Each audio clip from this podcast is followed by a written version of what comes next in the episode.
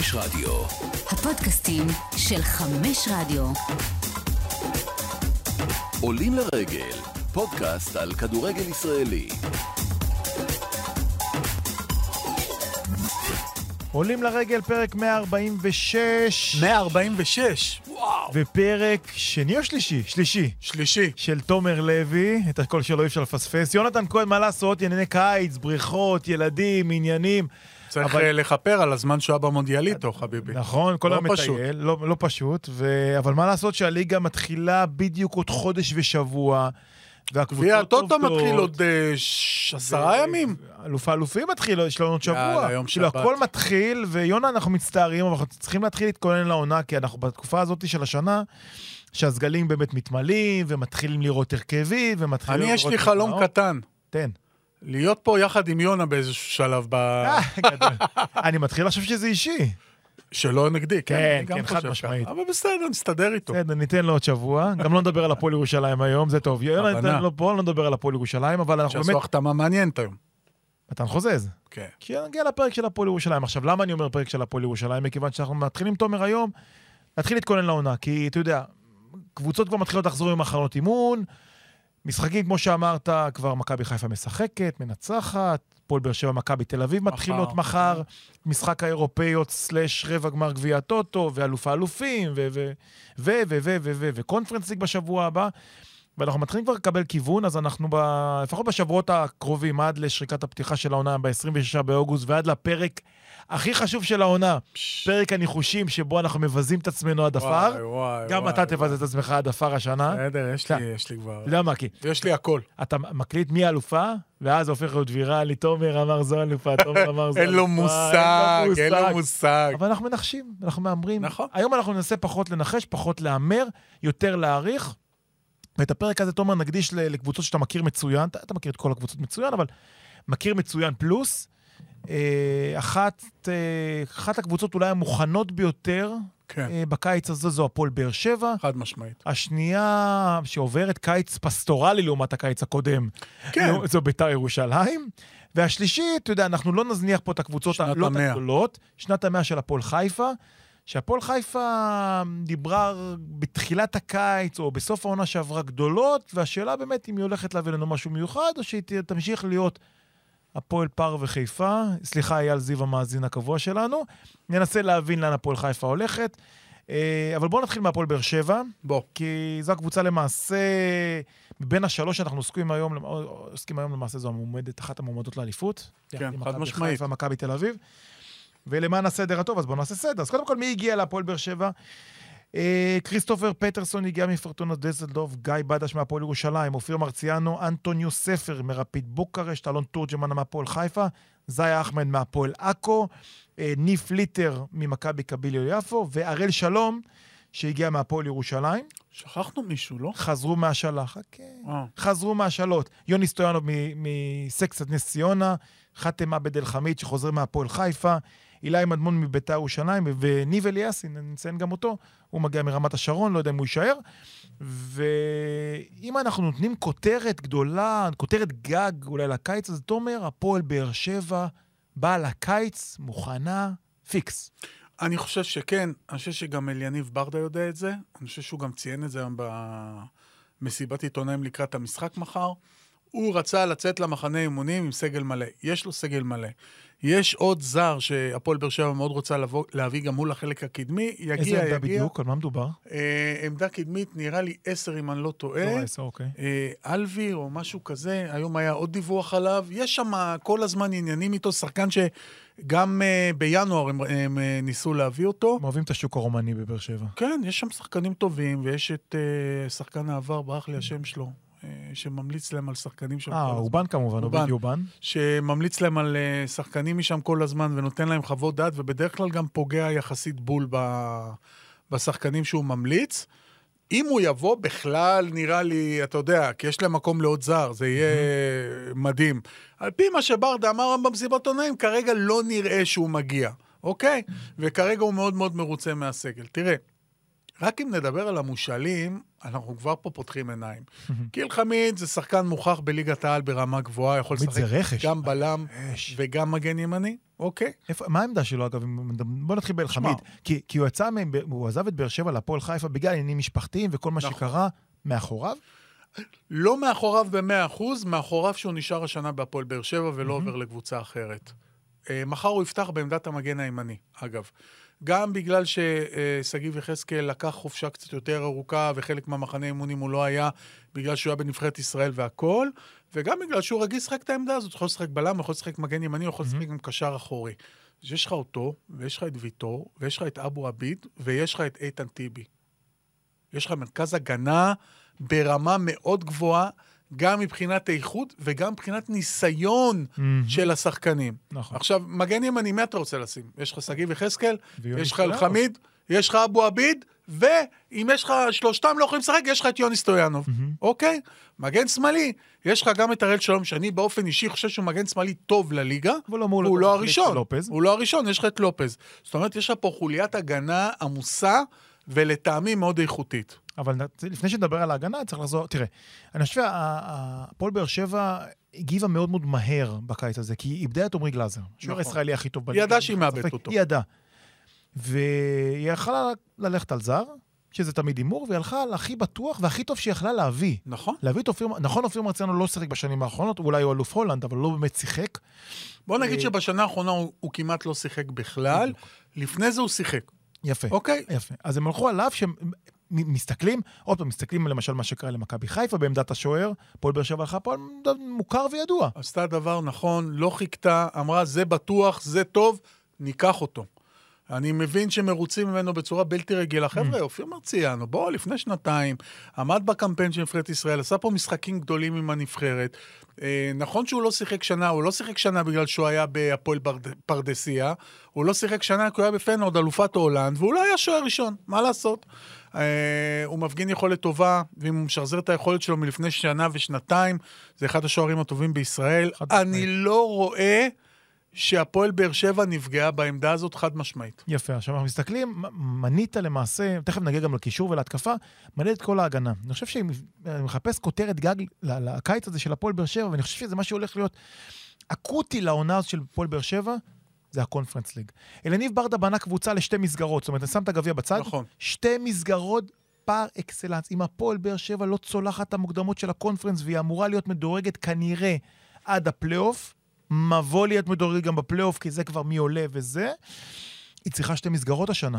כי היא צריכה לחלק הרבה מאוד דקות, סליחה, הרבה, להרבה מאוד שחקנים לא מספיק דקות. נכון. עכשיו, אם היא מודחת מאירופה, אני חושב שזה יעשה איזשהו... משהו לא בריא לקבוצה, ולכן באר שבע הולכת בכל הכוח על אירופה, וזה חשוב. אני חושב שהיא גם, אה, יחסית ההגרלות שהיא אמורה לקבל, הן יחסית נוחות. יפה. אלה שאומרים את זה, אני מזכיר להם את מכבי תל אביב וניס. כי גם ניס הייתה לא מדורגת בשנה כן, שעברה. אבל ניס זו קבוצה חזקה. יפה, אבל אם הפועל באר שבע תבוא לסיבוב סיבוב המוקדמות השלישי, קודם כל שתגיע לשם, אני מאמין נכון. שהיא תגיע לשם, ופתאום ייפול לה איזה קבוצה שלא שיחקה בשנים האחרונות באירופה, לא יודע, נניח, אה, נדמה לי אסטון וילה, נדמה לי קונפרנס, סתם אני זורק כן. מהראש, אתה בבעיה. נכון. היא צריכה, היא צריכה קצת מזל עם הגרלות, והיא צריכה דקות משחק. עכשיו, מנית את כל ההגנה, אני חושב שזו ההגנה הכי טובה בארץ, אני חושב. זה בדיוק מה שאני בא להגיד. לדעתי, יחד עם המשחק הקרבה שאנחנו יודעים שיש לברדה והלחימה וזה, אני, אני כבר עכשיו רוצה להמר שזאת תהיה הגנה שתספוג הכי מעט שערים בליגה.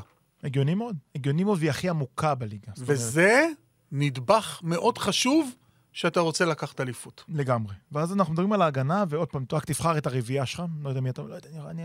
אני אני כרגע, מה שנראה לי, ויטור ואבו עביד בלמים, זה מה שאני... אבו עביד כשיר לפתיחת העונה. כשיר. יופי. אלחמיד, מגן ימני יחד עם שגיב יחזקאל, ולופז. ולופז. זה נראה לי הרביעייה. עכשיו, הפועל באר שבע משחקת תמיד את ה-4-2-3-1 של ברדה, תמיד הוא מאוד מאוד אוהב את זה, ואז אתה הולך לשתיים, לשני הקשרים.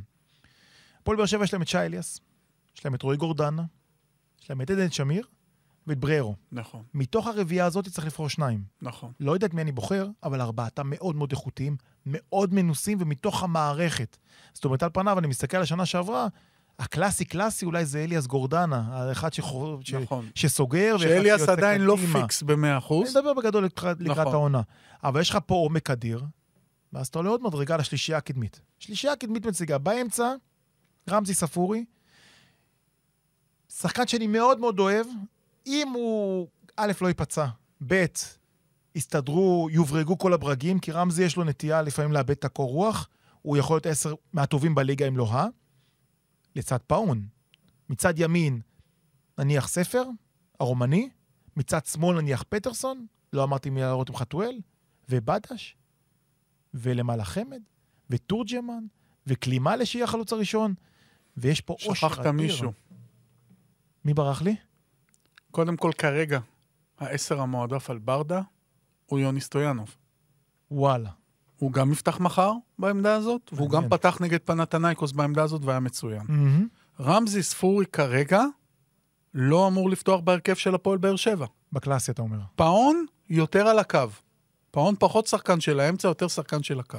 למרות שבסוף השנה שעברה הוא כן העביר אותו לאמצע. הוא שיחק איתו לא מעט באמצע. כי היה לו גם המון המון המון המון חיסורים ופציעות, נכון. שלא היה לו מה לעשות. נכון. עכשיו, בדש כרגע, גם מחנה אימונים מצוין וגם מה שאני מבין, כרגע הוא תופס את האגף ב... בהרכב. יש לך בדש, יש לך קלימלה שהוא כרגע החלוץ המוביל, מהמם, ופטרסון השוודי שמראה יכולת אה, גבוהה מאוד. אה, ספר הרומני השני, ספר, ספר, אנטוניו ספר. ספר. התחיל. טוב, טיפה בירידה, אבל uh, גם הוא נמצא שם.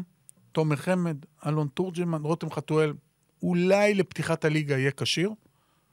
ופאון, עוד משהו שצריך לזכור, שבינתיים הוא לא יכול לשחק, בגלל ההרחקה. אז יש לו עוד שני משחקים בחוץ. מה אתה אתה שומע? רואה, סגל ברמה מפלצתי. מאוד גבוהה, עמוק. מעובה מאוד, בדיוק, עמוק מאוד. אני מוסיף עוד מילה. מאוזן מאוד. נכון. הכל מאוד מאוד מאוזן. עם צוות מקצועי ברמה הגבוהה ביותר, מהמם. ולדעתי, הם בדרך הנכונה. מה אתה שומע על פטרסון? בוא נדבר עליו. פטרסון שחקן מאוד מגוון, מגיע מדיסלדורף, מהבונדסליגה השנייה. בן כן. 28, גיל מצוין, שיא הקריירה. עושה רושם טוב מאוד גם במחנה אימונים. נראה אותו מחר, גם נוכל להתרשם ממנו ככה, אתה יודע, בצורה יותר אה, אה, רצינית. מבחינתו של ברדה זו תוספת כוח משמעותית. תראה, עוד פעם, אין כרגע סימון לא על פטרסון ולא על ספר, אלה ישדרגו אותנו בוודאות, אבל לפחות לגבי פטרסון זה נראה טוב מאוד. תראה, אנחנו... כלי מלא זה גם, תשמע, בוא, כלי מלא, אתה יודע, ברדה מאוד אוהב אותו. כן. מאוד מאמין בו. הוא צריך להתחיל לתת גולים. נכון. תראה, פטרסון, צריך להגיד, הוא מגיע מהבונדסליגה השנייה, כמו שאמרנו, ראיתי קצת קטע- קטעים שלו, הוא אוהב לשחק עם רגל נגדית. ה- החיתוך והבעיטה, היתוך לאמצע, קשה לעצור. כמו ספר אגב.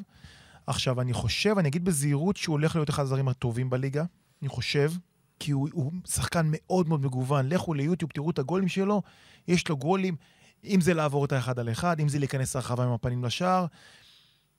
זה, זה נראה טוב, בתור התחלה. ספר, לעומת זאת, תשמע, ספר, קודם כל, הוא, הוא נראה כמו פנטזיסט וכישרון על, אבל הוא מאוד מאוד לא יציב. בדיוק. אז ממה שאני מבין, זה יכול להיות או סקנדל או פסטיבל, אבל כשאתה לוקח בחור בן 23, אתה לוקח את ההימור הזה. קח את ההימור, וגם, אתה יודע, אתה לא בונה עליו רק. בדיוק. יש לך בדה שנראה מצוין. וזה, וזה המשך. ברדה לא בונה על אף אחד, זאת אומרת, קח את מכבי חיפה למשל, מכבי חיפה המפוצצת כישרון, היא תלויה העונה בסבא ושרי, נכון. כי אין אצילי בצורה מוחלטת.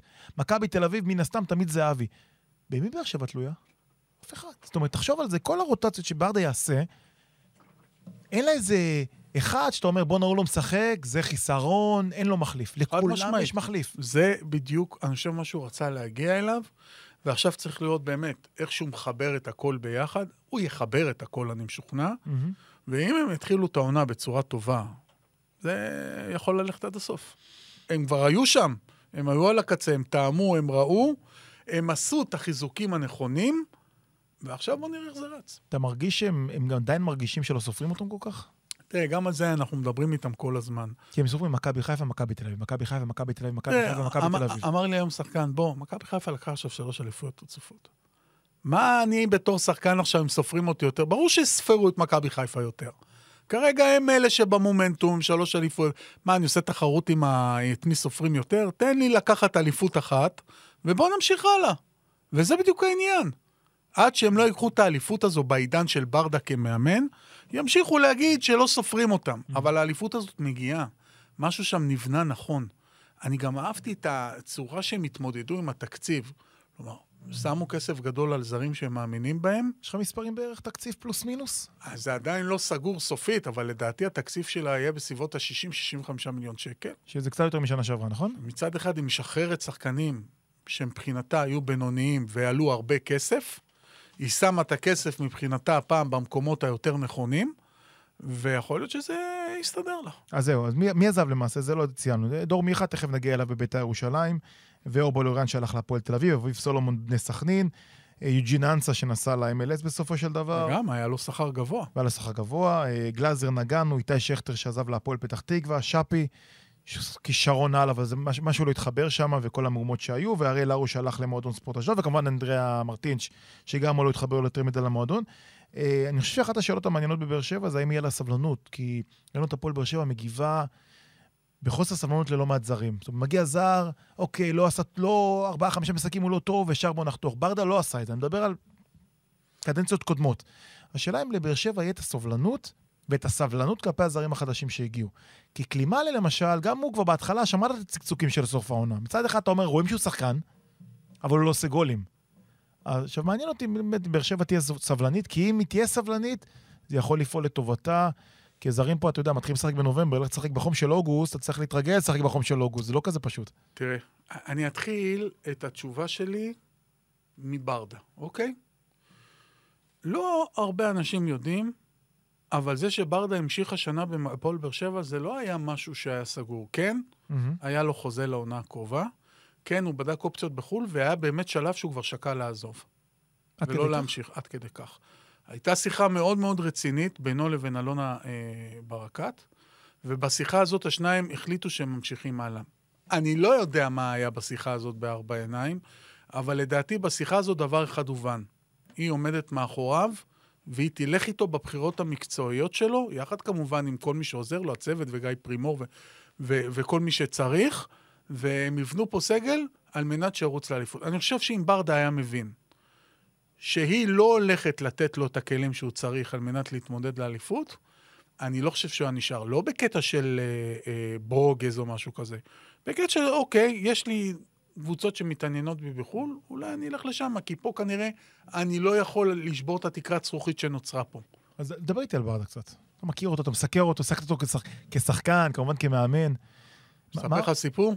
שוט. הוא לא אוהב שאני מספר את זה, אני אספר את זה. שהיה שחקן במכבי השנה. חיפה, הוא היה צעיר, עוד הייתי צריך לה, לעשות איתו אה, ראיון, הוא היה גר בשכונת ורדיה בחיפה.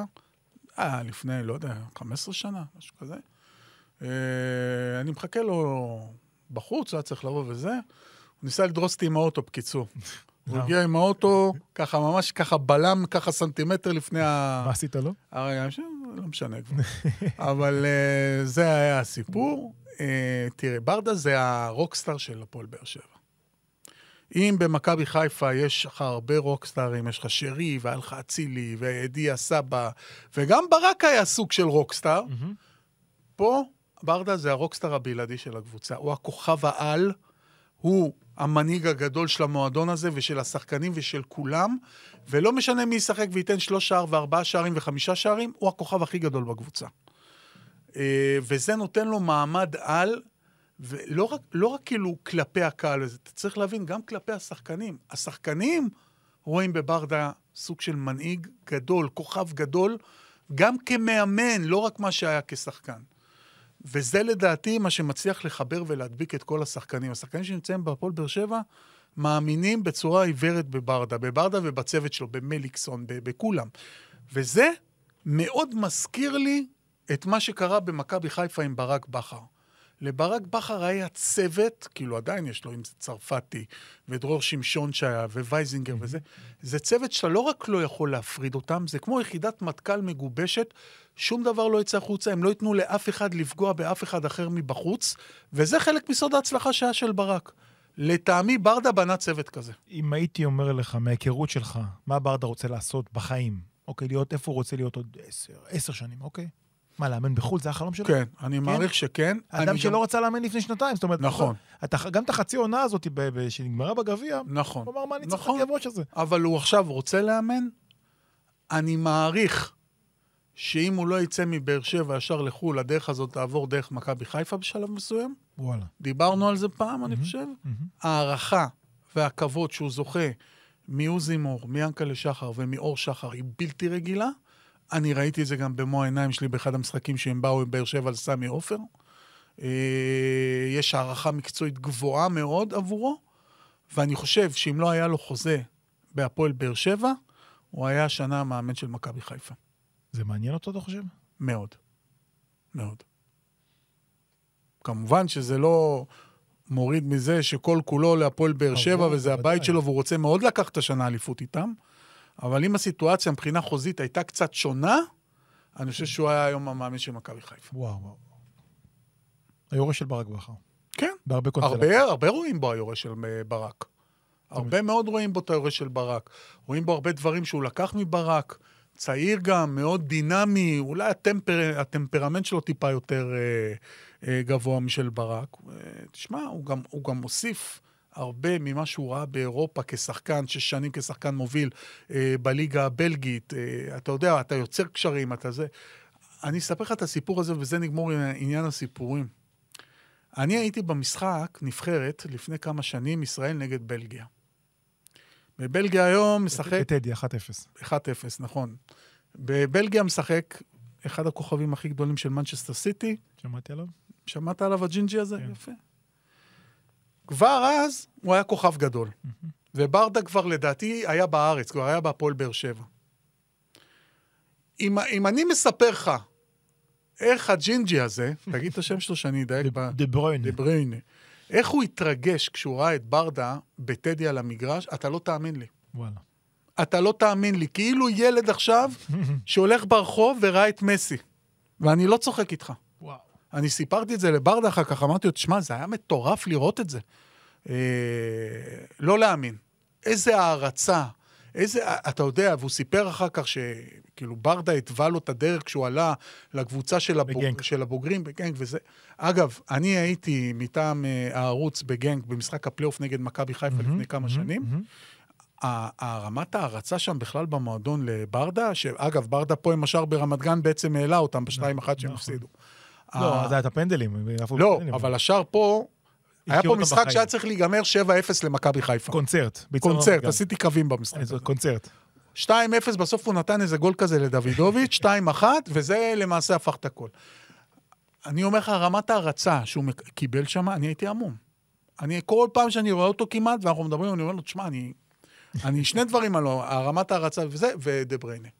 זה היה מטורף יש לראות לו עוד. חבר במשולש הזה, זה קורטואה. שהוא קורטואה. בחתונה. אבל אני ראיתי את דה. בריינה. לא, לא, אין ספק. גם, הכל, הכל... זה. החתונה. החתונה, לא. אבל אתה... צ- אותי לא הזמינו, בסדר, אני אסגור את החשבון, אעשה עליו איזה כתבה. כן, תפרק אותו. אבל אה, דה בריינה, Mhm. זה היה מטורף לראות את זה. אז זו הפועל באר שבע, צריך להגיד גם, זה, מצחיק להגיד, זה מגוחך להגיד, כי אליניב פותח את העונה השלישית שלו כמאמן, גם מ- שנתיים וחצי הוא מאמן, והוא יהיה הכי ותיק מכל המאמנים של המועמדות כביכול, כי רובי קין זו עונה ראשונה שלו כמאמן, עוד נגיע למכבי תל אביב פרק אחר, ומסיידגו.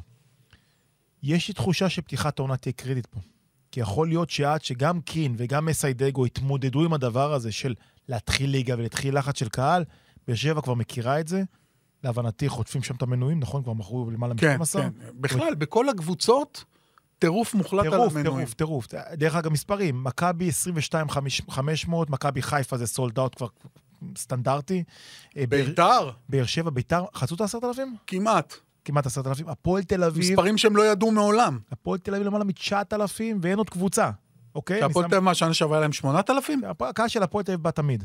ו- ו- אבל עדיין, 9,000 מנויים, זה מטורף. ואז אתה אומר, רגע, נתניה ת- תמיד עושים את ה-4,000, 5,000, הפועל פתח תקווה מדברים על 5,000, ברור, עם 6,000. הקהל שיש להם. ופה, אתה יודע, אני לא רוצה לדבר על זה, כל הזמן אני אומר, לא רוצה לדבר על זה, וואו, אני, אתה יודע, אני רועד לפני תחילת העונה הזאת, כי, כי...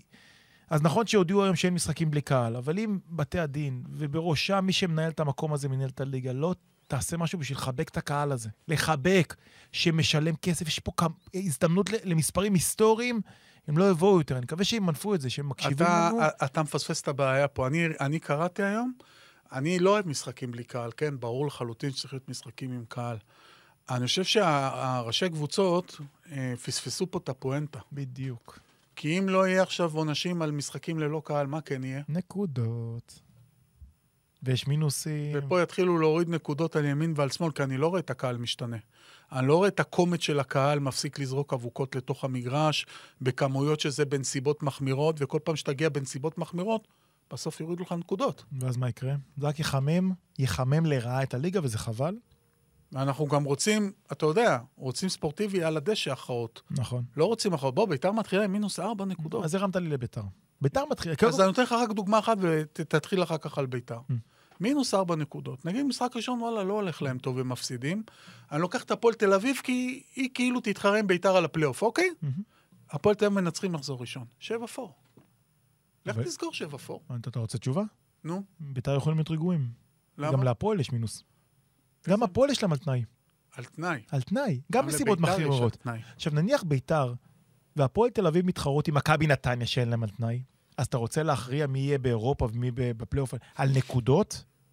הרי? לביתר יש עוד על תנאי מינוס שלוש נקודות. אם הם זורקים מלא אבוקות לתוך המגרש פעם הבאה, זה מינוס שלוש נקודות. מה, מה, אני, חלום שלי לדעת מה, מה הדיינים רוצים, שברק אברמוב ייכנס ליציע? לא, אני חשבתי? אני חשבתי כזה דבר, תראה, אני כל הזמן לא מפסיק לדבר על זה, וזה מעלה לי את העצבים. הרי ברק, אה, ברק אברהם, ציפו? שהוא יקים את המשמר הלאומי תוך כדי גמר הגביע, וימנע, המשמר הלאומי ימנע את הכניסה. הרי למה יש חברות אבטחה? למה יש משטרה? למי משלמים את הכסף הזה? אז המשטרה קיבלה החלטה, מפחד שיפצעו אנשים, לא למנוע את הכניסה. מהמם. אוקיי, אבל איפה חברות האבטחה? למה 40 דקות אחרי תחילת המשחק לא מתחיל הטקס? למה חברות אבטחה אפשרו להכניס 40 ו-50 אבוקות מכל צד? ואם באים שבעה מאבטחים של השב"כ, יחידת 730, והם אומרים, עד שהשטח לא סטרילי לחלוטין, לא מתחילים את המשחק, אז שהנשיא יראה את המשחק מהבית. אנחנו באים פה לשחק כדורגל, לא באים לראות את הנשיא. או שחברת אבטחה תעשה את העבודה שלה, זה גם אפשרות, אתה יודע. לא, אבל אם יש פה הוראה של יחידת 730 אומרת עכשיו, חבר'ה, וזה מה שהיה. עד שהמגרש לא סטרילי, אנחנו לא פותחים את המשחק. עכשיו, מה היה הבעיה, אבו? תקשיב. היו במשך 20 דקות, חצי שעה, קבוצה של 60-70 איש שעמדו בצד, מהמם. בתוך המגרש, עמדו בצד, כנראה קרובי משפחה, לא היה כלום, לא עשו רעש, לא בלאגן, לא, עמדו בצד. עד שה-60-70 האלה לא יצאו, אי אפשר היה להתחיל את הטקס בגלל ההוראה של המאבטחים. ואז מה קרה? 30 דקות, 40 דקות, הקהל כבר איבד את זה. פרץ פנימה. ואז אתה מגיע לבית ואז אתה הדין. מקבל מינוס 4 נקודות כן. על פריצת קהל 45 דקות אחרי שהמשחק נגמר. עכשיו, תגידו, מה אתם רוצים? ואז אתה מגיע לבית הדין, ואני שואל את הדיינים, הרי דין, בית דין משמעתי, מה תפקידו? תפקידו לא... אבל הדיינים לא אשמים. רגע, לא, ברור, אז בגלל זה, מה התחלת? בעלי הקבוצות. בעלי הקבוצות, כי בעלים מאוד מאוד בכיר בכדורגל שלנו, לא, אותך מי תכף אני אראה לך מי, דיברתי איתו בדיוק אחרי סוף העונה, לא האחרונה, לפני. הוא אמר לי, תשמע, עכשיו היה בלאגן, הכל חם, כולם יש נשייה, ומכבי תל כועסים, ובאר שבע כועסים, וחיפה כועסים, והפועל תל כועסים. אנחנו לא יכולים לשבת, אבל כשתיגמר העונה, מבטיח, מבטיחה, נשב ביחד, ונדבר, ונסגור את הסיפור הזה של התקנון. פניתי לפני חודש, נו, ישבתם? עברה שנה. שום דבר. שום דבר, כלום לא אכפת להם. עכשיו, שהם לא רצו משחקים בלי קהל, הם צ'יק צ'אק העבירו מכתב עכשיו וסגרו את זה בחצי שעה. יפה. אבל מה עם כל התקנון? נכון. הרי הדיינים עובדים על פי תקנון מסוים, יש להם את העונשים, הם לא יכולים להמציא עונשים. נכון. אז נכון שהשיקול דעת שלהם, אנחנו לא תמיד אוהבים אותו. תתכנסו, תתכנסו, תמצאו תקנון די, חדש. אי אפשר, אי אפשר לעבוד אי עם אפשר. תקנון כזה. אי אפשר. די, אי אפשר, מה, אתם לא מבינים את זה? איי. מתי תבינו את זה? שהשנה באמת יתחילו לרדת לכל הקבוצות נקודות, אז כולם יתעוררו? נכון, לא חבל. בואו נמנע את זה. נכון. בואו נתקדם עם הכדורגל. כן. ב- הרמת לי, במה- למה בתי דין? למה טינפנו את הפרק הנפלא הזה? דיברת על בית"ר ירושלים, כי, זה, כי, כי זו הקבוצה הבאה שעליה אנחנו נדבר, מחזיקה את הגביע, צריך להגיד למי ששכח, אפרופו מאירועי הגביע. אז בית"ר ירושלים גם עוברת חתיכת קיץ, אה, היא מביאה את יובל אשכנזי, את בן ביטון, את טימו מוזי, את גידי קניוק, דור מיכה, עומר קורסיה, והרכש האחרון אדי גוטליב. עזבו את בית"ר ירושלים, דנילו אספריה, משחקני העונה שעברה. אה, תמיר עדי שהלך לחדרה, אורי דהן שחזר למכבי חיפה, מקס זייצ'קין שחצה את הכביש, אילי מדמון חזר לבאר שבע, סרגי. פורודין, אה, אבישי כהן שמתנדנד, תכף אני אשאל אותך שאלות, עמית כהן שמתנדנד, תכף אני אשאל אותך שאלות, אה, אור זהבי, תמר ישראלי ובר כהן. זו בית"ר ירושלים כרגע. תעשה, תעשה לי, קודם כל תעשה לי סדר. מה קורה עכשיו עם, הש... עם שני השמות הכי מעניינים? הראשון זה ניקולה אסקו, שני זה שואה. קולסקו יש לו שתי הצעות. מתנהל משא ומתן על המכירה שלו. ברק רוצה למכור? כן, ניקולסקו לא יהיה בבית"ר ירושלים. נקודה סוף. אם הוא ילך להולנד או אם הוא ילך לפולין, הוא יעזוב בסופו של דבר. הפערים כבר לא גדולים. תג מחיר? מיליון, 1.2 מיליון יורו, זה ייסגר בסכומים האלה. לא רע. כן, זה דבר אחד. השאלה הגדולה זה שואה. לדעתי, ברגע שמכבי תל אביב מוכרים את פרפגו יגון, אם הוא יימכר בסופו של דבר, הם מביאים את שואה. ואז אתה יכול להיווצר מצב תיאורטי, לא ודאי כרגע, שכל הטריו של ביתר הלך. שניים מתוך השלושה הולכים בוודאות. אני בכוונה... אחד הלך כבר. אתה אומר, גויגון שמכבי תל אביב רוצה למכור, כן. הולך, ירדן שועה ומכבי תל אביב. לדעתי כן. אתה יכול- התכנון. אתה יכול להגיד לי שזה נכון, אפשר להגיד שערן זהבי מאוד רוצה את ירדן שועה במכבי תל אביב? אני גם שמעתי את זה, אני לא דיברתי עם ערן באופן אישי, אז אני לא יכול שואל. אה, לדעת את זה.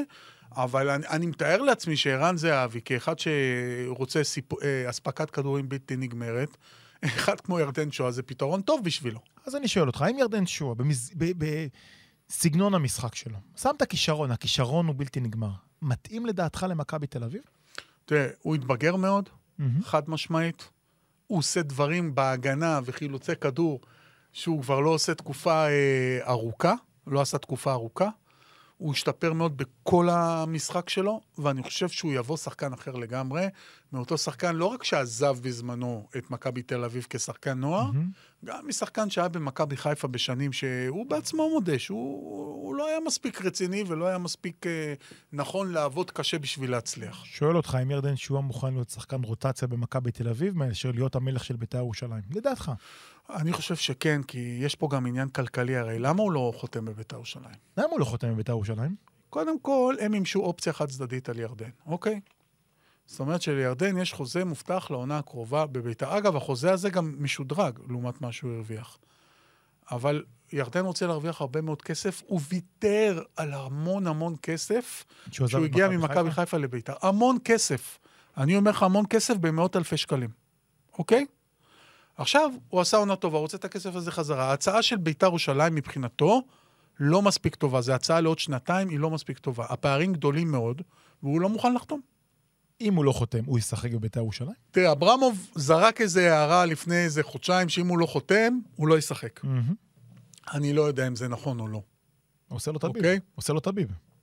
שמע, הוא רוצה להרוויח עליו כסף בסופו של דבר. מהמם. אוקיי? אז uh, אני לא יודע אם זה נכון או לא, אני נראה לי שזה כן ריאלי שבסופו של דבר מכבי תל אביב תיכנס לתמונה, מהמם. ויהיה שם איזשהו משא ומתן על מנת להעביר אותו. אז ירדן, אז, אז נגעת בטריו. הטריו שטרף את הליגה, צריך להגיד, זה אספריה, ניקולסקו ושועה. אני לא יודע אם זה מה שיוסי התכוון בתחילת העונה, שבקיץ שעבר היה לו בקושי, היה לו שחקנים לאימון. הוא בטוח לא ידע שזה יהיה הוא, המספרים. הוא בנה שלישייה מפלצית והוא מאבד אותה. ובוא ניקח בחשבון ששועה כרגע נשאר, אז בית"ר ירושלים מביאה למעשה את השחקן שההעברה היא הרבה יותר גדולה ממה שהיא קיבלה את התעודה, לפחות בתקשורת, לדעתי זה דור מיכה. דור מיכה, דור מיכה מגיע, מסתכלים בגדול, זה הפרשה כמובן. שנייה אחת לפני זה, לפני. רק בשביל הטריו. נו. אה, מבחינת ביתר, המחשבה למכור את ניקולאסקו, זה שפרד פריידי מבחינתם הולך לתת עונה מטורפת. החלוץ הזה שלדעתי, במגוונות שלו, טוב יותר מניקולסקו, מהמם. והוא יראה בכמה גולים בליגה ובגביע מה יש לו ברגליים. אם הוא באמת מתחבר ומתפוצץ בביתר השנה, ביתר פה הביאה חלוץ שהוא מפלצת. הוא נראה טוב. אני חושב, שהוא, היה אני טוב. חושב שהוא חלוץ הרבה יותר טוב מפיירו. אוקיי. אני חושב שהוא הרבה יותר מגוון ממנו, יותר מהיר ממנו, יש לו יותר טכניקה ממנו, ואנחנו ראינו את הסיומות שלו ליד השער, הן מהמם. סיומות מאוד מאוד מגוונות. לגמרי. אוקיי? אני מסכים. זה לגבי זה. עכשיו, לגבי דור מיכה. ציינת עכשיו פה את דור מיכה ועוד שמות של כמה וכמה שחקנים. לא נפלתי מהכיסא, אני לא חושב שאף אחד מהשחקנים האלה משדרג את בית"ר ירושלים. אני חושב שיש פה אחד שיש בו השקעה, שזה טימו מוזה, שהוא צעיר בן 22. ואם הוא זה, פה יכול להיות שהוא יצליח, גם השקעה עתידית, את זה אני מקבל. עזוב, עזוב, בוא נלך למיכה. כי, כי מיכה מגיע, צריך להגיד, רגע, בוא, בוא נחזור אחורה לפרשה. כי זה מה אוקיי. שקורה, זה מה שמרחף מעל הקריירה שלו. מהפרשה יצאו שני שחקנים. אחד התפוצץ, עומר אצילי, שעכשיו יעשה חבילות השנה, נאחל לו בהצלחה באיחוד האמירויות, ואחד, שהקריירה שלו התרסקה. כן. עכשיו, אני לא אומר את זה, אבל אתה- לא לא כל כך פרשמה, לא נכנס לפרשה, אז כבר אי אפשר לדבר על זה. לא. אבל uh, מיכה לא התאושש מהפרשה, לא. הוא הלך להפועל באר שבע, הוא לא היה טוב. גם קודם היה בקפריסין, כמו קפריסין. אומר, לא הצליח. בא לבאר שבע, כביכול כסוג של כוכב, אפשר להגיד דבר כזה? גם לפי השכר. גם לפי השכר, והוא לא הצליח בכלל, לא במספרים, לא ביכולת, לא בשפת גוף, שום דבר לא עבד. יש לו לדעתי שישה בישולים מהעונה הזאת אה, כן, אה, נדמה לי, בליגה, ושני שערים נדמה לי. אבל. אבל, אבל זה לא היה זה. יש לו שער אחד או שניים, לא יודע, לא... אז אני, לא היה. אני אתן הערכה דמיונית שאי אפשר לבדוק. אני חושב שאם את דיברת על הטריו, אם הטריו היה משחק, ואני מוציא את שועה, שיוסי אבוקסיס עשה איתו תהליך מבריק, הוא עשה לו תהליך, אה, קראתי את זה באחד הפרקים, גריזמניזציה. שהוא לקח חלוץ, הפך אותו להיות עשר, מפזר את המשחק. אגב, הוא לא היה עשר. הוא לא היה עשר הוא בדיוק. היה שחקן קו שכל הזמן חתך לאמצע. יפה, ברגע שהוא לבד באמצע, הוא עושה את הקסם שלו. כן. עכשיו נוציא את שועה, ושם את מיכה, כשמיכה הטוב, הוא מאסטר שף בדיוק כמו שועה, אם לא יותר. כי מיכה בראיית משחק, הוא שחקן אדיר. השאלה, אם מחלקת השיקום של אבוקסיס מסוגלת לשקם גם את מיכה. עכשיו, אני לא יודע אם מיכה יש ושועה פה ישחקו... פשוט יותר מדי שחקנים שצריך לשקם אותם. יפה, בדיוק. זאת אומרת, יוסי מת על זה. אנחנו יודעים את זה, יוסי אוהב לקחת אני את ה... חושב שהפעם הוא לקח על עצמו יותר מדי. עוד פעם, זה... יכול להיות שאני אתבדה, כן, אני כולה... אתה יודע, מה שאני חושב, מה שלי נראה, נראה לי שגם קניוק, וגם דור מיכה, וגם בן ביטון, וגם... יש שם עוד איזה מישהו ששכחתי, מה... מהשחקנים. יובל אשכנזי. יובל אשכנזי, זה too much. זה too much. זה יותר מדי שחקנים שהם כנראה, כנראה, עוד פעם, מעבר לשיא, בקבוצה אחת. יושב- עכשיו, שאין לך אספריה, אין לך ניקולסקו. יותר, בוא ננסח את זה ככה. אה, דור מיכה כדור לרגל, ירדן שועה כדור לרגל, יובל אשכנזי כדור לרגל. מי אמור, מי אמור לתת את הפס לאספריה שכבר לא שם? בדיוק. זאת אומרת, הבנייה של בית"ר ירושלים מרתקת, אבל לא ממש מובנת. עכשיו, נניח שועה נשאר. שועה ומיכה יכולים לשחק ביחד? תשמע, שועה ישחק על הכנף, ומיכה ישחק את העשר. בכדורגל של 23-24, אתה לא יכול לוותר על שני שחקנים שכביכול לא עובדים גם בהגנה. כן, וגם אם הם עובדים, כאילו, ירדן עובד, יחסית למה שהיה הוא עובד, כן, הוא באמת עובד, לא, אבל הוא לא רודף אחרי מגנים, בוא. בדיוק, באיזשהו כן, שלב זה מפסיק. כן. באיזשהו שלב זה. מפסיק. עכשיו, גם זה. אני לא רואה, אני, עוד פעם, הם צריכים להביא שחקן כנף, הוא צריך להיות תותח. הם אה, צריכים להביא עוד בלם זר, הוא צריך להיות תותח. או אורידן, אחד משניהם. הם צריכים להביא קשר שש, הם מחפשים קשר שש זר. הוא תומה- צריך להיות תומה תותח. יישאר? מי? תומה? תומה זה שמונה, לא שש. כרגע הוא נשאר. לא, עוד בואו, פעם, ביחד. תומה לא מוכן לחתום על חוזה חדש. יש לו אופציה שמימשו, יש לו חוזה לעונה הקרובה. הציעו לו חוזה, ממה שאני הבנתי אפילו חוזה יפה לעוד שנתיים, הוא לא רוצה לחתום. הוא רואה מביתר כנראה קרש מקפצה למקומות אחרים. הוא עשה עונה מטורפת. כן. מטורפת. אז, אז הוא כרגע לא רוצה לחתום. וזה מעמיד את ביתר בבעיה לא פשוטה. שהשחקנים האלה כאילו קורצים עם עין אחד למקומות אחרים, וזה אף פעם לא מספיק טוב. נכון. אוקיי? עכשיו, אה, אם אתה לא תביא את השחקנים האלה שאני ציינתי ברמה גבוהה, הקבוצה הזאת נחלשה דרמטית. אני עוד פעם, אתה יכול להגיד לי דור מיכה, אני לא רואה את זה קורה. השאלה אם הוא יכול להתניע את הקריירה שלו. כי, אתה יודע, זה קצת מזכיר לי, כולם זוכרים את בני יהודה הגדולה של אבוקסיס. עם אביס ועם ירדן ועם יובל אשכנזי ודולף חזיזה. גילאים, גילאים יפה. אחרים גם. אחרי אותה עונה שהם זכו בגביע, הייתה אשכנזי ו- וחזיזה נסעו לחיפה, כל אחד התפזר, ואז אמרו, טוב, יוסי קוסם, מה ברק אברהם מביאים, אתה זוכר? איתן ואלבלום ועמית זנתי. אמרו, טוב, הוא, הוא משקם את כולם, וזה עובד. ומה קרה לבני יהודה? ירדו לי. התרסקה. לכן, אני מסכים איתך שזה יותר מדי מחלקת שיקום. עוד פעם, לא מדבר פה על ירידת ליגה, ביתר קבוצה לא, לא, לא, שיכולה גם עם. הסגל הזה, ברור, יכולה גם להגיע לפ- לפלייאוף עליון. ברור, אבל, מקום 5-6 לצורך העניין, אוקיי? אבל, גם גידי קניוק לא ראינו ממנו הרבה זה מאוד שחקנים שהרבה זמן לא נתנו יובל. אשכנזי, ש- אותו דבר. מת עליו, אבל זה כבר לא... מקצוען. ברמה הכי גבוהה שיש, אבל אין לו קבלות בשנתיים האחרונות. אין לו. עכשיו, שים, עכשיו, שמת לב לקשר של כל השחקנים שהקראתי לך? שהגיעו להוציא את עומר קורסיה ואת טימו מוזי שהוא עוד פרוספקט? מה? כולם מעבר לגיל 30. כן. וכולם גם מעבר לשיא. יפה. עכשיו, אם אני, בוא, בוא, בוא נסתכל, כמו, נפ- נפרט הרכבים. אז יש את מיגל סילבה, שוער יוצא מהכלל, חד משמעית. יוצא מהכלל, ואז אתה מסתכל על חוליית ההגנה. אז עכשיו, נניח יגיע בלם זר, יכול לאזן את זה. אבל אם בית"ר ירושלים, סליחה, הולכת להגנה של בן ביטון, שעבר עונה רעה מאוד בהפועל תל אביב, אדי גוטליב, שהוא סימן שאלה, כי, כי יש משחקים של נסטה, שהוא בלם פנטסטי, ויש משחקים שהוא טיפה מאבד את הכיוון שלו. יכול להיות שהיציאה מהפועל תל אביב תעשה לו טוב? אני חושב שכן.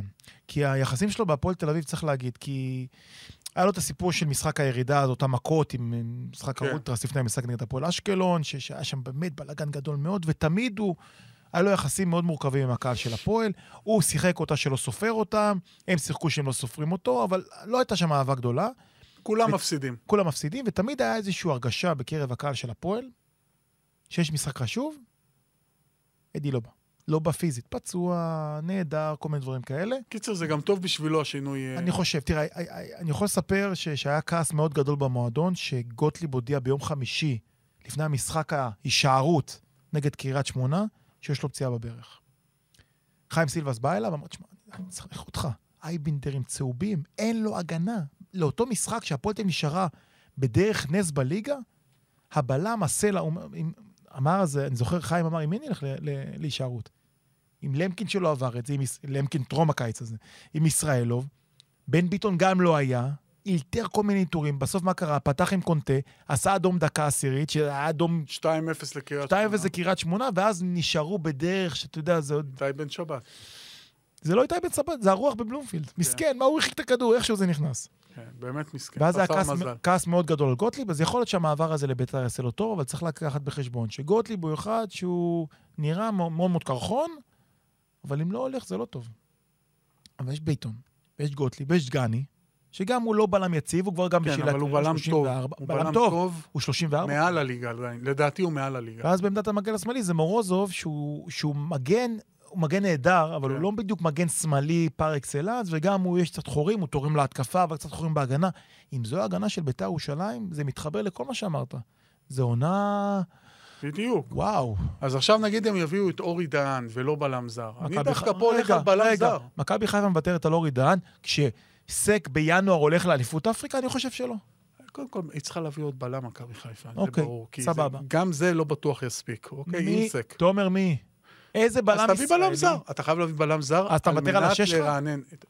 שמע, אתה חייב להביא או זה, או זה. ההגנה כרגע נראית לא מספיק טוב. תוציא את השוער ותוציא את. מורזוב. לא, לא, אני אה, של מדבר. בית"ר, אוקיי. תוציא את השוער ותוציא את מורזוב. אם אבישי כהן יצטרף, כי עמית כהן יעזוב, סבבה. כרגע בן ביטון, עם כל הכבוד, הוא פחות, פחות טוב מאבישי כהן, אין מה אבישי לעשות. כהן כרגע בבית, נכון? אבישי כהן כרגע יושב בבית, הוא בהמתנה, ל... הוא יכול לחתום עכשיו במכבי פתח תקווה לצורך העניין. כל קבוצה. הוא רוצה להגיע לביתר, הוא רוצה בסוף לביתר, אחרי שלא הסתדר לו עם באר שבע, הפועל חיפה גם. לא הסתדר לו עם הפועל חיפה, הוא חשב כנראה שהוא ירוויח בהתחלה סכומים הרבה יותר גדולים ממה שבסופו של דבר הציעו לו. עכשיו ביתר אומרת, אוקיי, כרגע מבחינתנו אבישי כהן לא בראש העדיפויות. יש לנו פינות אחרות לסגור יותר חשובות. תחליף לעדי תמיר לא הגיע, נכון? לא, גם לא. יש לך את דן עזריה, ויש לך את קריאף, כן? ויש לך את החבר'ה הצעירים, אבל אין לך באמת אה, מישהו במקום אה, אה, עדי תמיר. זה אחד. דבר שני, אה, אם עמית כהן עוזב, מוצא קבוצה, אז הם ישר מצרפים את אבישי כהן, וזה כבר לדעתי משדרג את כל מערך ההתקפה. עכשיו, יבוא מאביס, לא יבוא מאביס, אני לא יודע, זה גם עסקה יקרה מאוד, צריך להגיד. הוא גם מרוויח הרבה מאוד כסף, גם מכבי חיפה כרגע כנראה דורשת עליו איזשהו סכום כדי uh, להוריד משהו מהמיליון יורו שהיא קנתה אותו לפני שנה וחצי, או שנתיים, שנה וחצי. אה, שנתיים וחצי. שנתיים. וחצי. לא, שנה לא, שנה רגע, שנה וחצי. שנה וחצי. אה, העונות פה... כן, כבר, אני כבר מתבלבל. ובגלל זה אני אומר לך, שאם כל- זה כל הרכש כרגע, מבחינתי, בית"ר ירושלים נחלשה. זה לא טוב, לא נראה טוב. ובית"ר ירושלים פותחת העונה בשבוע הבא נגד פאוק סלוניקי, זה לא שהיא יכולה להתגלח, מה שנקרא, בתחילת העונה לאיזושהי יריבה לא חזקה. כן, בפאוק, אבל אתה יודע, תמיד חזקה. שגם פאוק סלוניקי, קבוצה שאני מבין שרק בשבוע, שבועיים האחרונים צירפה מלא שחקנים. נכון, נכון מאוד. זה בדרך כלל אומר שהיא לא מגיעה מוכנה למשחקים האלה, לא מבחינת כושר, לא מבחינת תיאום. אני, ברור שביתר פה היא הקבוצה הנחותה יותר, אין פה על מה לדבר, אבל אני חושב שהפערים מאוד מצטמצמים במשחקים בשלב הזה של העונה. בגלל המוכנות, בגלל החיבור גם של הקבוצות האחרות, זה זמן שלפעמים אתה יכול לעקוץ. נסכים שבית"ר עם הסגל הזה מתנדד לפלייאוף עליון? שש שמונה כזה? כן. כזה. כרגע כן. אם היא רוצה ארבע, היא צריכה להתחזק. מה, דיברתי עם כמה שחקנים בכירים בביתר בימים האחרונים. הם אמרו, אנחנו צריכים עוד שלושה, ארבעה שחקנים בכירים. בכירים. בכירים, אחרת זה לא ילך. אני גם רואה את זה ככה.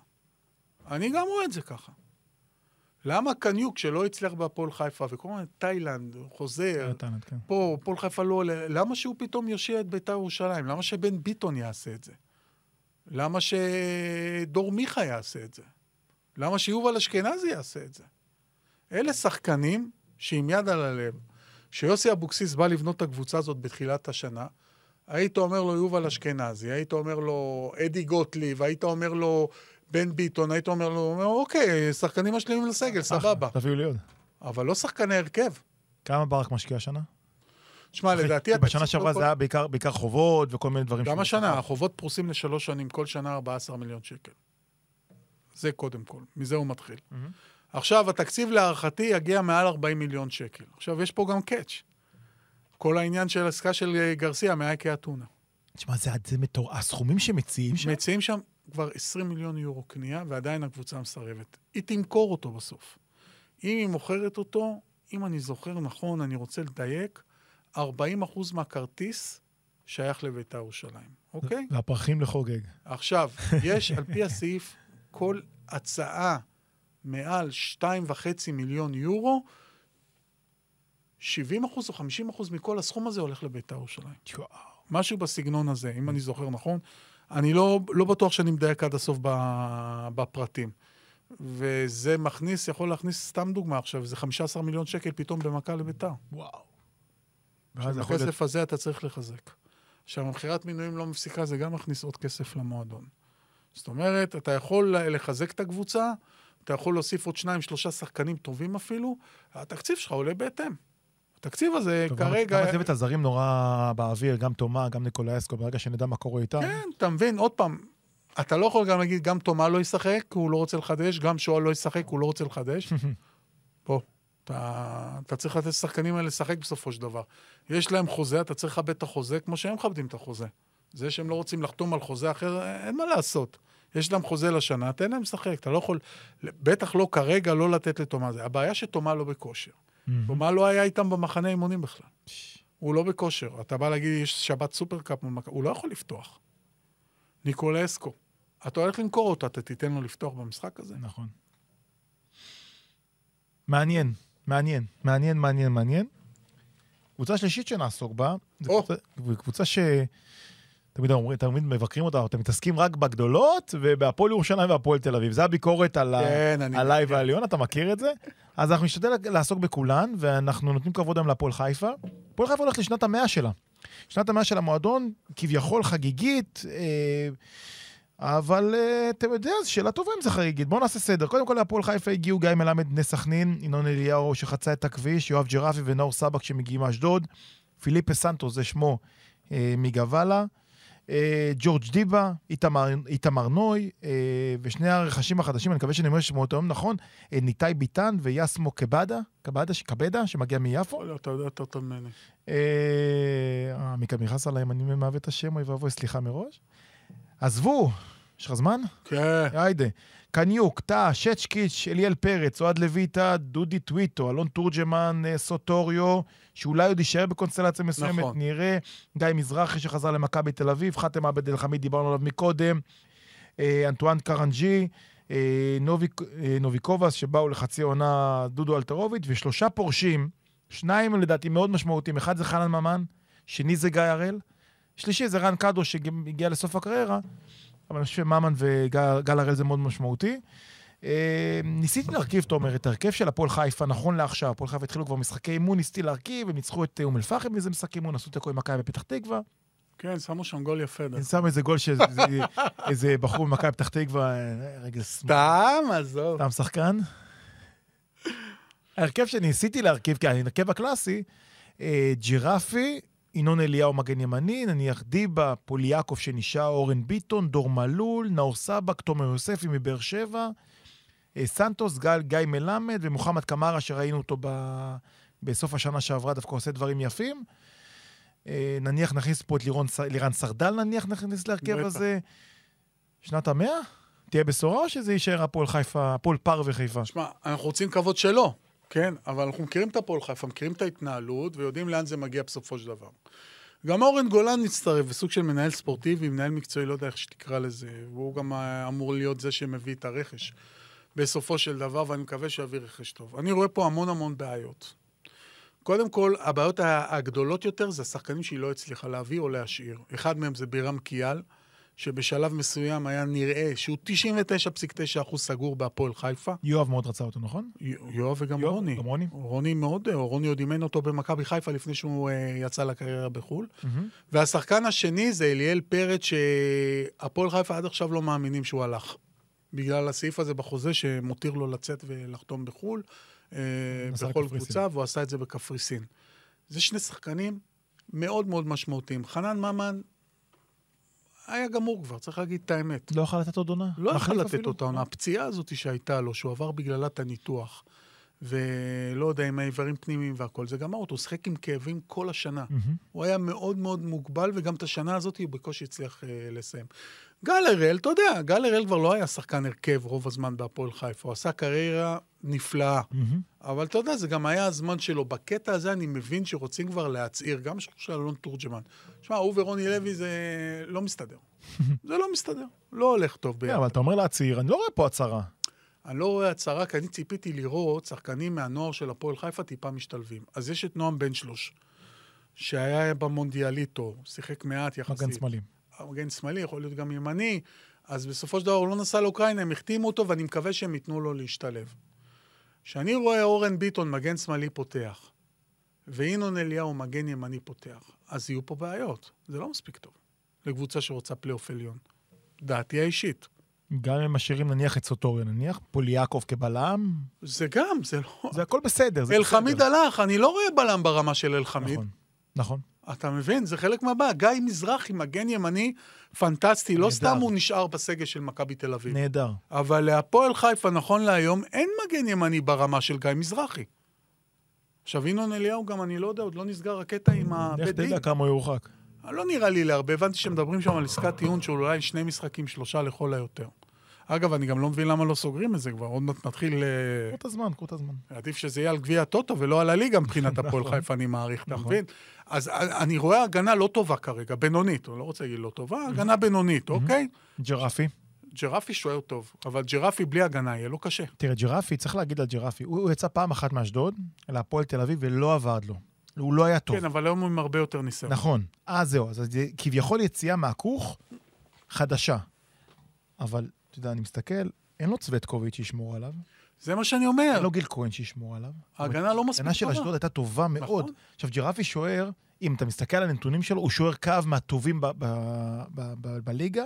קצת בעיה, אני חושב, עם, יציא, עם כדורי גובה, קצת עדיין קשה לו, כי הוא לא שוער גדול, אבל סך הכל, מול לויטה, אני חושב ששודרג. אני חושב. חוליית התקפה להביא את גיא מלאבד, אני חושב שיחוק ענק. שבקבוצות הליגה השנייה, נקרא לזה, שזה להוציא את השלוש הראשונות. אה, מבין, אה, עוד פעם, סתם זורק, סכנין, נתניה, הפועל תל אביב, כאלה, גיא מלמד זה שיחוק. שחקן. שתיקח את כל השלוש-ארבע עונות האחרונות שלו, כולל בסקוטלנד, מסיים בדאבל פיגר את הליגה. יפה, אז זה רכש טוב, אבל לצד, לצידם, זאת אומרת, אני מנסה לחשוב, נניח, מי הלב של הקבוצה הזאת. הקראתי לך הרבה מאוד שמות. מי אמור להיות הלידר של הקבוצה? תומר יוספי לדעתי גם יעשה, אם הוא לא ייפצע, הוא יעשה עונה טובה, הוא תגלית יכול להיות שנה תומר יוספי. הוא שחקן מצוין במעט משחקים שהוא שיחק בהפועל חיפה. ראינו את ההשפעה שלו, אם הוא עושה עונה טובה, שלמה, בלי פציעות, אני חושב שזה שדרוג להפועל חיפה, חד משמעית. גם לא הייתה עזב, דרך אגב, אפרופו הגנה, אז נכון שגם הוא עבר עונה לא טובה, והייתה לו פציעה וזה, אבל באמת, הפועל חיפה הולכת לשנה מאוד חגיגית, שכרגע עם סגל לא ממש חגיגי, הם צריך חייבים להגיד להביא את זה. עוד הרבה שחקנים. איך אמר לי מישהו? צירפו שבעה, שמונה שחקנים, אבל הם שחרר- שחררו 15 שחקנים. אז אני אשאל אותך, אתה מכיר אותו הרבה מאוד שנים, איפה רוני בסיפור הזה? זאת אומרת, האם רוני יקבל? רוני לא אחד שמתפשר על סגלים בינוניים, כי הוא לא אוהב רוני להיכשל. לוחץ כל הזמן לקבל את מה שהוא רוצה, בהרבה פעמים הוא גם מצליח, צריך להגיד. גם תשים לב, סוף סוף שינו את הצוות המקצועי בהפועל חיפה. צוות מקצועי זה היה בחירה של יואב כץ, לא בחירה של המאמנים. עוזר מאמן קבוע, אה, מאמן שוערים קבוע, מאמן כושר. הוא שינה 80% מהסגל הזה, מהצוות המקצועי שלו. והביא אנשים שהוא באמת אה, מאמין בהם. נזכיר, רק רן קדוש, מאמן שוערים, גל הראל אה, עוזר מאמן, מאמן הכושר נשאר אותו דבר, אבל שונה כל ה... ה, ה ש, ש, שרוני מרגיש איתם יותר בנוח.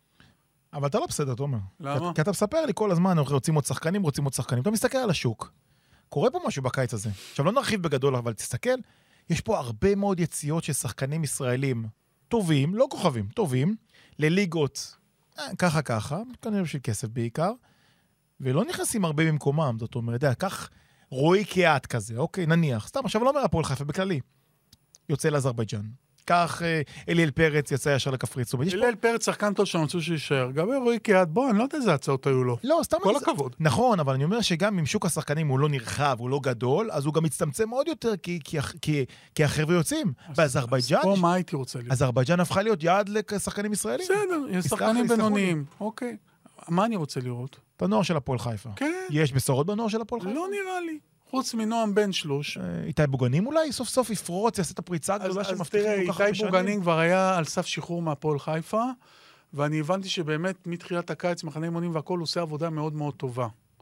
אז, אז הוא נשאר, ואם הוא יצליח להביא את היכולת הטובה שלו גם לליגה, כי יש לו פוטנציאל לילד הזה, אז... אה, הוא לא ילד. כן, אז אולי זה יישאר, אז אולי הוא יישאר שם. אבל איפה עוד שחקנים? דיברו על בושנק, אה, דיברו על עוד שחקנים שם שהם זה, והשחקנים האלה לא מקבלים דקות. עכשיו, אם אתה לא מקבל דקות בהפועל חיפה, איפה תקבל דקות? נכון. זה לא עכשיו שאתה אומר לי מכבי חיפה, הפועל באר שבע, מכבי תל אביב. אם הם לא מקבלים דקות, השחקנים המובילים מהנוער של הפועל חיפה, בקבוצה הבוגרת של הפועל חיפה, אז יש פה בעיה. אז כל המחלקת נוער הזאת היא לא, לא מצליחה לעשות את העבודה שלה. עכשיו, הפועל חיפה זה קבוצה פר אקסלנס, שזקוקה גם לשחקני בית צעירים שיעלו, ואתה יודע מה? לא שחקני הרכב, יחזקו את הסגל. יחברו את הקהל גם, זה גם משמעותי. אבל זה לא קורה, וגם הקהל לא מתחבר. להגיד הקהל לא. מתחבר. הם יבואו לא השנה? אני מקווה מאוד שכן, אם הקבוצה תפתח טוב כן. ותצליח, הם יבואו. כן, הייתי בסמי עופר שנה שעברה באיזה משחק, איזה נמנמת. זה הלך וירד וירד וירד, זה גם משחקים שהיה אלף צופים. ויש להם קהל, יש להם אוהדים. יש להם, מה זה יש להם אוהדים? בימים הטובים הם יכולים להביא גרעין של 4,000 איש. אני- 6,000 אני חושב. יש- 5,000 נתפשר, אוקיי? חמש חמש. בסדר, נניח, אבל, אבל כרגע זה לא קורה. ואם אני מסתכל כרגע על הסגל של הפועל חיפה, כרגע הפועל חיפה זה אכזבה גדולה מאוד בקיץ, כי חשבתי שיואב ישקיע קצת יותר. לא בקטע שהוא לא רוצה להשקיע, הוא לא מצליח אולי לתת את הפנטזיות של רוני. ואם הפועל חיפה לא עושה פה שדרוג משמעותי, כל וגם חוליית ההגנה. גם קודם- הצוות הזרים שלה, אוקיי, סבבה, יביאו את עוד פעם סוטוריו, אין להם יותר מדי זרים להביא. הפועל חיפה, אתה יודע מה, אני לא יודע אם תיאבק על פלייאוף עליון. כרגע, כרגע. כרגע. אני לא חושב שהיא קבוצה שיכולה להיות בפלייאוף העליון. כרגע. אבל בסופו של דבר, אתה יודע, תוציא את אה, מכבי תל אביב, מכבי חיפה והפועל באר שבע. אה, הפועל תל אביב לא נדבר עכשיו, גם הפועל תל אביב לדעתי כרגע לא... היא על הקשקש של הפלייאוף העליון. לא בטוח שהיא יכולה להגיע לשם בסגל הנוכחי. אני אתן טיזר לפרק הבא. היא לא על הקשקש של הפלייאוף. בסגל הזה, היא גם לא על הקשקש של הפלייאוף העליון. צריכה לעשות שם עוד עבודה. אה, גם רודריגז, אני יודע שנורא מתלהבים ממנו. רודריגז, גם בשנה האחרונה שלו במכבי חיפה, כבר זה לא היה זה. כבר לא ידעו מה לעשות איתו. מגן שמאלי, מגן ימני, הרבה מאוד משחקים כבר לא פתח בהרכב. ואז הגיעה גם השנה הלא מוצלחת בבלגיה, שבסופו של דבר חצי שנה הוא היה כמו מוקפא, הוא לא שיחק בכלל ולא היה, הוא לא היה חלק מקבוצה. וצריך לראות באמת איך הוא מגיע. השאלה, תראה, הפועל חיפה יכולה להסתכל על הפועל תל אביב שעדיין לא מוכנה, על סכנין שעדיין לא מוכנה, זאת אומרת, הקבוצות תמיד, אשדוד, שהיא סימן שאלה עצום לעונה הזאת, אני נכון. חושב. אנחנו נעסוק בזה בפרקים הקודמים, כי צריך לסיים, מספיק כמה אתה יכול לדבר, כל אה, הכבוד. היה כיף דווקא. היה כיף? כן. אז תבוא עוד פעם. אני אבוא, זהו, סופית אני מגיע. יפה, מעולה. אז זה היה עולים לרגל בינתיים, אז דיברנו על הפועל באר שבע, ביתר ירושלים, הפועל חיפה, אתם מוזמנים כמובן להגיב ולהגיד שאין לנו מושג, כי באמת אין לנו מושג, אבל אין אנחנו באמצע. יולי. אין לנו. באמצע יולי, ובשבוע הבא כבר יש כדורגל, ונוכל לראות שכל מה שדיברנו פשוט בטל בשישים. אמרו לי, בוא תדבר, אז אני בא, זה לא אומר שאני אומר דברים נכונים. לדבר דיבורים. יאללה, תומר, אלוף האלופים בשבת, יש כדורגל, קדימה. יום חמישי, הפועל באר שבע, מכבי תל אביב. חבל הדרבי של פתח תקווה? כלום, פשוט כלום. אה, הבנתי, טוב.